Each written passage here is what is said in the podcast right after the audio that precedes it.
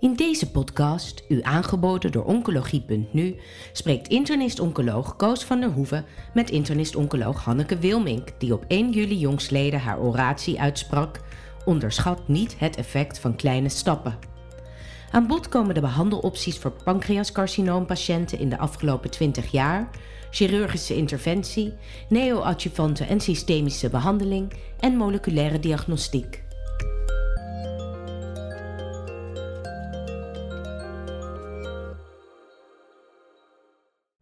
Onderschat niet het effect van kleine stappen. Dat was de titel van de oratie van professor Hanneke Wilmink. Zij is internist, oncoloog in het Amsterdam UMC. Vorig jaar benoemd tot hoogleraar. Vanwege COVID de oratie nog even uitgesteld. Maar een pakkende titel. In ieder geval reden om een podcast over te gaan maken, want dat maakt nieuwsgierig. Welkom Hanneke. Dank u wel. We nemen deze podcast op bij de ESMO. Maar allereerst was het een mooie dag, die oratie. De dag was fantastisch. Ja? Ja. Oké. Ja. Veel mensen Er geweest? zijn veel mensen geweest en het overtrof alle verwachtingen. Nee, het- Reacties van mensen van wie je het niet verwacht? Ja, en ehm, nou ja, het is, het is een dag dat je ook in het middelpunt van de belangstelling staat. Dus dat is soms ook wel leuk. Ja. Nou, het belang van kleine stapjes. Je moet wel een klein beetje optimistisch zijn als je aandachtsgebied het alvlees, alvleesklierkanker is, om het belang van die kleine stapjes te zien. Want ik had nog even nagelezen, in 2019 2700 nieuwe diagnoses in Nederland en de vijfjaarsoverleving 5%, ergens tussen de 5 en de 10%. Dus fijn dat er optimistische mensen zijn. Als we die kleine stapjes nu gaan doornemen, dan wilde ik eigenlijk eens beginnen bij de chirurgie. Want dat is de enige behandeling die tot curatie kan leiden. Denk je dat daar nog winst te bereiken is? Ehm, ja, nou, laat ik even beginnen bij het begin. Hè. Je, je kan dus de alvleesklierkanker eigenlijk in, grofweg in drie groepen indelen. Inderdaad, de mensen die voor een curatieve behandeling met chirurgie in aanmerking komen. We hebben een, een, een groep patiënten die lokaal gevorderde ziekte heeft. Hè. Dus de ziekte beperkt tot de alvleesklier, maar vanwege de uitgebreide vaatbetrokkenheid primair niet eh, operabel of resectabel. En dan hebben we dus de allergrootste groep, de mensen met uitgezaaide alvleesklierkanker. En als je kijkt bij, bij die eerste groep, dus de patiënten die voor een operatie in aanmerking komen, ja, daar doen we denk ik het al best wel heel goed. En daar hebben we wel degelijk stappen gezet. Ehm, in de vijfjaars overleving, die is verdrievoudigd. En dat komt door onze, dus door, door de, de behandelingen die de medische oncologie aan de chirurgie toevoegen. Dat is de chemotherapie. Ehm, we doen dat tegenwoordig grotendeels voorafgaand aan de operatie, waardoor je dus een, ook een betere patiëntenselectie hebt. Maar daarmee verbeteren we wel degelijk de overleving van deze patiënten. Maar de, er kan natuurlijk, de chemotherapie kan natuurlijk ook verbeterd worden. En misschien moeten we daar andere middelen aan toevoegen om eh, de overleving nog verder te verbeteren van deze patiëntengroep. Gaan we dadelijk eh, verder over praten. Maar toch nog even terugkomend op die operaties. Toen jij en ik, of ik in ieder geval eerder en jij later, begonnen in de oncologie. Toen was de mortaliteit voor een pancreasresectie, die lag nog rond de, de 10% of soms nog wel hoger. Dat is gedaald. Maar denk je dat daar nog winst in te bereiken is? Ja, ik denk dat dat wel, eh, dat daar niet zoveel winst meer in te bereiken is. De chirurgie heeft, in tegenstelling tot de medische oncologie, de zorg gecentraliseerd voor, voor alvleesklierkanker. En eigenlijk alle centra die hebben hele goede, eh, of nauwelijks mortaliteit, natuurlijk wel morbiditeit, maar nauwelijks mortaliteit. En daar, ze doen er ook alles aan om die morbiditeit ook te verbeteren. Ja. En daar zijn allerlei klinische studies. Nou, er is net weer recent de Porsche-studie gepubliceerd in de Lancet, waarbij ze een algoritme hebben ontwikkeld om die morbiditeit te verbeteren, zodat t- er minder, meer, minder morbiditeit is eh, na, na een operatie. Of dat in ieder geval de eventuele complicaties sneller opgepikt worden, zodat Ja. de patiënten daar ook sneller en beter van herstellen. Korter in het ziekenhuis liggen, minder tweede Precies, ingrepen. Hè, Ik denk dat de chirurgie dat heel erg goed doet. Ehm, wat je dus nu wel ziet, is dat er steeds meer patiënten geopereerd worden. Dus ook de wat gevorderde ziekte wordt geopereerd. En daar zie je nu, daar worden weer de chirurgen in getraind. Dat is nu weer een, een nog weer verder gespecialiseerd. Er zijn maar een aantal ziekenhuizen in Nederland die dat doen. Dus buiten de, eh, de standaard pancreasziekenhuizen. Ehm, ja, en daar, nou goed, daar daar heb je natuurlijk wel weer meer morbiditeit en mortaliteit, maar ook daar, daar worden stappen in gezet. Toch nog even over die operatie, want je hebt over het belang van de kleine stapjes. Ja. Ook als de mortaliteit 2 of 3 procent is. Ja. Denk je dat we dat nog omlaag kunnen krijgen? Ik vraag het, Ja. in het Integraal Zorgakkoord staat dat die volumenorm voor operaties Ja. naar, naar 100 moet. Misschien Ja. wordt dat 50 tot 100, maar in ieder geval hoger dan het nu is. Verwacht je daar nog verbetering van? Ja, nou, ik, ik, ik denk veel ziekenhuizen, of de, de, de in Nederland, de norm ligt op 20. Nou, daar, daar haken al nu ziekenhuizen af die dat net wel, net niet halen. Ja. Ik denk dat het, de ziekenhuizen die dus, de, de, ziekenhuizen die dus die pancreaszorg doen, dat zijn echt nu wel de grote volumes, volumina, die echt wel 50 tot 100 operaties per jaar makkelijk halen. ja. En Dus dat ik- ook goed doen en, en- een en goede samenwerking hebben in Nederland. Ja, ja. Nou, dan gaan we maar even naar het aantal patiënten dat voor een curatieve behandeling in aanmerking kon komen. Eh, tien jaar geleden, als het, als het, de betrokkenheid bij de vaatcel had, dan was het over. Mhm. Maar dat verschuift een klein beetje. Wil Ja. je daar nog iets over zeggen? Zeker. Wat ik net zei, dus de mensen die dus primair wel voor een operatie, dat is ongeveer 20%. En daarbij hebben we nog eens, nog eens een keertje, eh, ja, ongeveer 40% die dus lokaal gevorderde ziekte heeft. Ja. Dat kan je ook weer opsplitsen in gradaties. Maar daarvan, nou, dan zie je dus dat een groep die beperkte vaat, beperkt vaatcontact heeft, maar beyond de, de resectabele patiënten, dat die best een kans hebben tot, onge- tot misschien wel 30% om alsnog na inductie chemotherapie een operatie te ondergaan. Ja. Ja. En daarmee dus ook in die groep de overleving te verbeteren. Je noemde 20% van de hele populatie, klopt dat? Die- Ehm, die- ja, het is, het, het is 60, het is 60, 20, ja, het is ongeveer 20% van de hele populatie. Ja. Ja. En die, eh, dat, dat doen we nu hoe lang in Nederland? Dat we die, Nou, dat doen we nu al een aantal jaar. Ja. Ja. En is dat, dan, is dat dan chemotherapie of moet dat dan een combinatie van chemoradiotherapie Nee, zijn? het is in principe, want eigenlijk van radiotherapie is nog nooit aangetoond in een gerandomiseerde studie dat het wat toevoegt bij deze patiëntengroep. Dus het is in principe chemotherapie. Ja. ja. En de radiotherapie, denk je dat, je zegt het is niet aangetoond, Ja. maar is dat nog een stapje dat ook gemaakt kan Nou, worden? dat, dat kan. De radiotherapie die er tot voor kort gegeven was, dat was eh, eh, eh, het, wat we nu geven, dat is dus de stereotactische radiotherapie. Ja. Dus dat is hele precieze radiotherapie met hoge doses. En mogelijk dat dat wat toevoegt, maar dat moeten we nog in, in, in het onderzoek uitzoeken, want dat is nog niet aangetoond. En daar zijn de resultaten. Hè, wij, wij doen natuurlijk, buiten Nederland zijn er natuurlijk ook genoeg andere landen en eh, initiatieven. Maar de studies die daarover gepubliceerd zijn, die, zijn eh, die laten in ieder geval geen overlevingsvoordeel zien voor die combinatie. Oké. Die neoadjuvante benadering, dat, dat is nu Volfirinox als een patiënt dat aan kan. Ja. Denk je dat daar nog betere schema's zouden kunnen zijn? Nou, ik denk qua chemotherapie niet, want dit is natuurlijk al best een intensieve behandeling. Wat we nu gaan doen, hè, we hebben in Nederland eh, voor deze patiëntengroep de, Preo, de Preopank-studies, Ja. die we inmiddels, eh, de Preopank 3 is en 4 zijn, zijn bezig. Preopank 1 is inmiddels al gepubliceerd, Preopank 2 is, is de inclusie in ieder geval afgerond. En de Preopank 5, eh, het protocol ligt er, waarbij we bij deze patiëntengroep aan de chemotherapie ook immuuntherapie gaan toevoegen. Ja. Eh, en ook de stereotactische radiotherapie, maar dan tussen de, als een soort sandwich tussen de chemotherapie door. Ja. Met als doel eh, van de chemotherapie, maar ook van de radiotherapie, dat het, eh, het immuunsysteem een, een boost geeft. En dat we dan daardoor een maximaal effect van checkpoint in- inhibitie kunnen bereiken. Over die, eh, die immuuntherapie kom ik dadelijk graag nog even Ja. terug. Nog even naar die, die, die groepen patiënten die misschien voor een radicale resectie in aanmerking kan komen. Er is ook een klein clubje, een kleine groep patiënten die een erfelijke vorm van pancreascarcinoom Ja. heeft. Hoe groot is die groep ongeveer? Nou, die is heel klein, dat is maar Ja. een paar procent, maar die is er wel degelijk. Ja, En er zijn in Nederland een aantal centra die dus die patiënten eh, vervolgen. En er zijn, hè, er zijn echt eh, Leiden en Rotterdam, die Ja. hebben grote centra daarin. Amsterdam ook.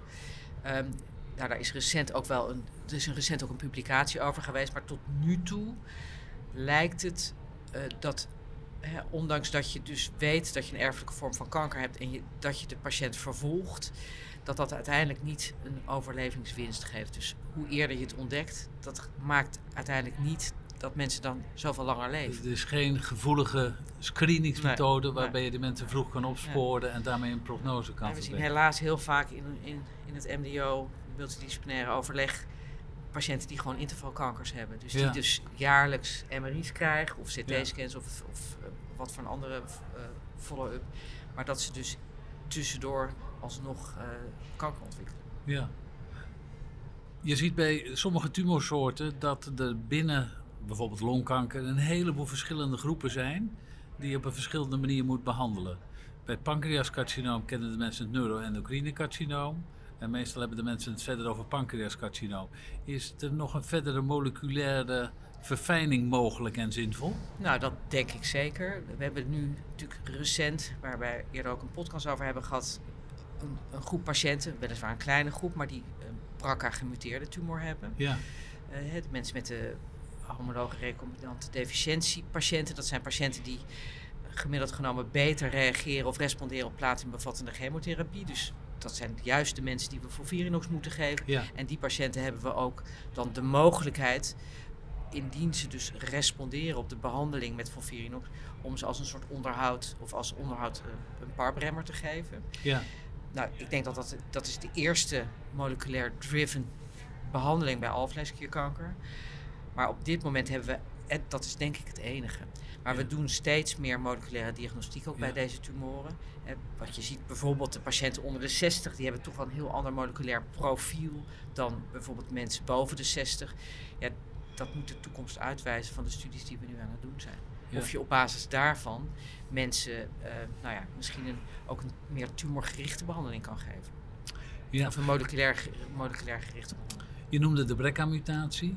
Je noemde ook uh, andere patiënten met een uh, homologe recombinante deficiëntie. Ja. Hoe groot is die groep ongeveer van alle pancreas Ja, nee, daar wisselen de getallen een beetje, maar dat is misschien wel 20, 25 procent. Dus dat is best een groep. En we hebben daar dus tegenwoordig, hè, we, in, in het kader van onderzoek doen we veel van deze moleculaire diagnostiek. En we hebben dus de mogelijkheid in de, in de DRUP, de studies die dus in Nederland lopen, om die mensen daarmee met, met parbremming te behandelen. Met hele goede resultaten overigens. Mooi. Um, systemische behandeling van het pancreascarcinoom komt uh, preoperatief aan de orde, maar een heel groot deel van de patiënten heeft bij diagnose gemetastaseerde ziekte of krijgt het na de operatie. Is daar nou de afgelopen jaren nog verbetering in gekomen? We zijn allemaal begonnen een klein beetje met 5FU. Dat is volgens mij weer uit de mode geraakt, of in ieder geval niet effectief gebleven, gemcitabine. Ja. Maar wat is de ontwikkeling daarin? Ja, nou ja, dan praten we natuurlijk ook alweer over tien jaar geleden. Maar toen zijn de combinatiechemotherapieën natuurlijk gekomen. De Volvirinox en de gemcitabine met de napaclitaxel. Dat zijn natuurlijk wel echt effectievere behandelingen dan de, de behandelingen met monotherapie gemcitabine. Want dat was de vergelijking in die studies.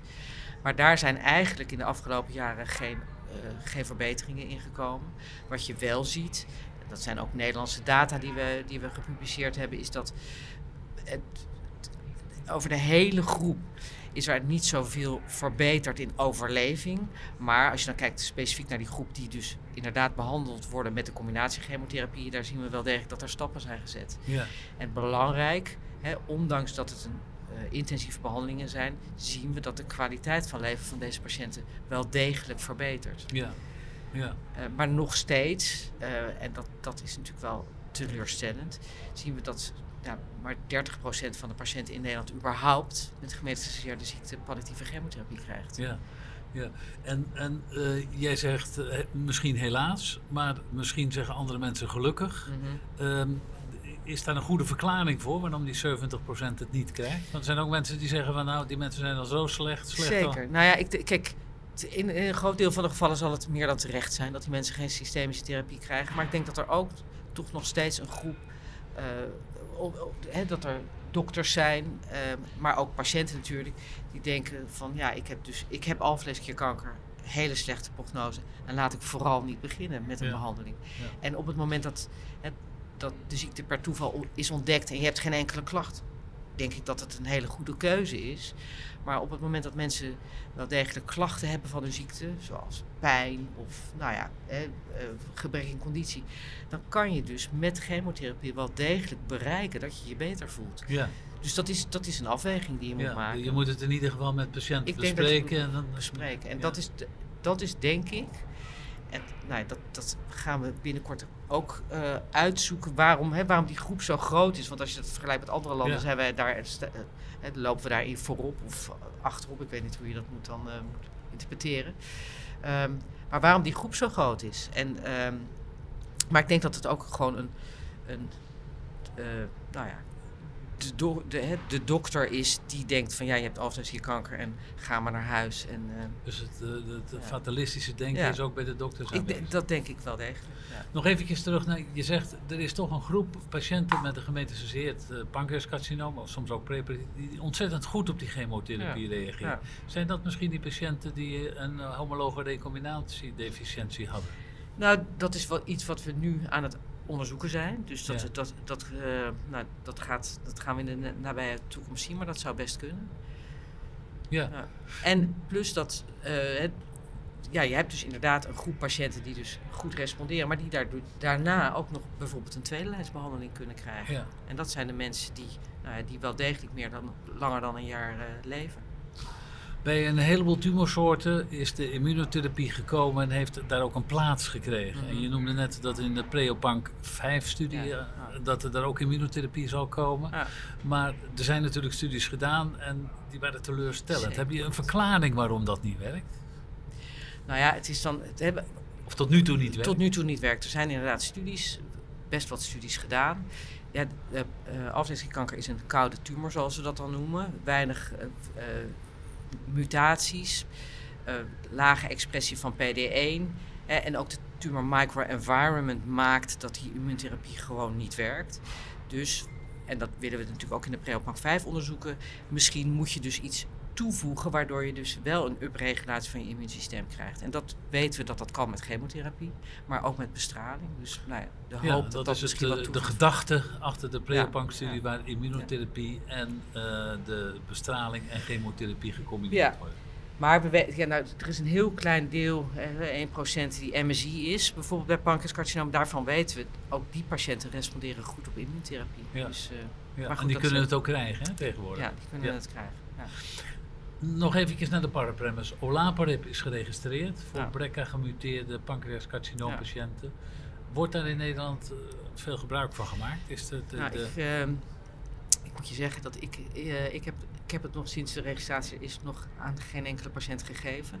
Terwijl ik best wel veel pancreaskankerpatiënten ja. zie.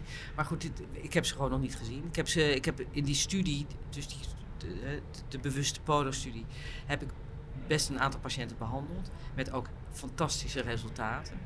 Uh, maar ik heb dus nu een aantal patiënten die ik wel met parpremming behandel, maar die, die behandel ik in de drup, omdat ze dan geen BRCA-mutatie hebben Ja. of geen kiembaan-mutatie, want je Ja. moet een kiembaan-mutatie hebben.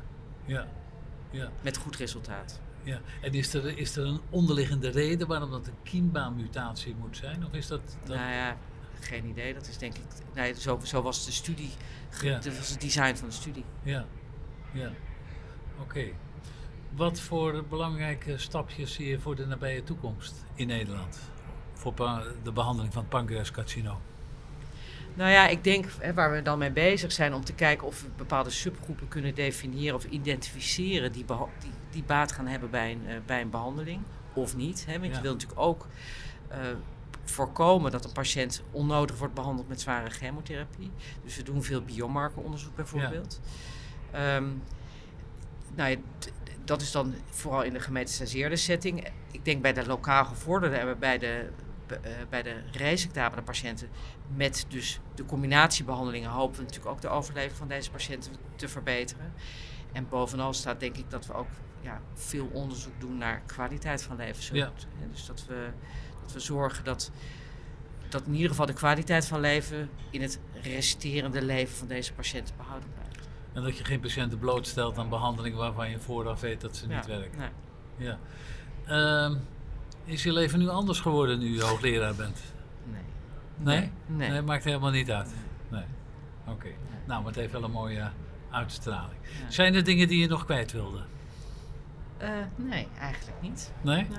Nou, dan eh, heel hartelijk dank voor eh, dit interview. Dankjewel. Graag gedaan. Bent u geïnteresseerd in meer podcasts? Deze zijn te vinden op de website www.oncologie.nu. Heeft u zelf een onderwerp of onderzoek dat besproken kan worden in een podcast? Mail het naar info.uitgeverij-jaap.nl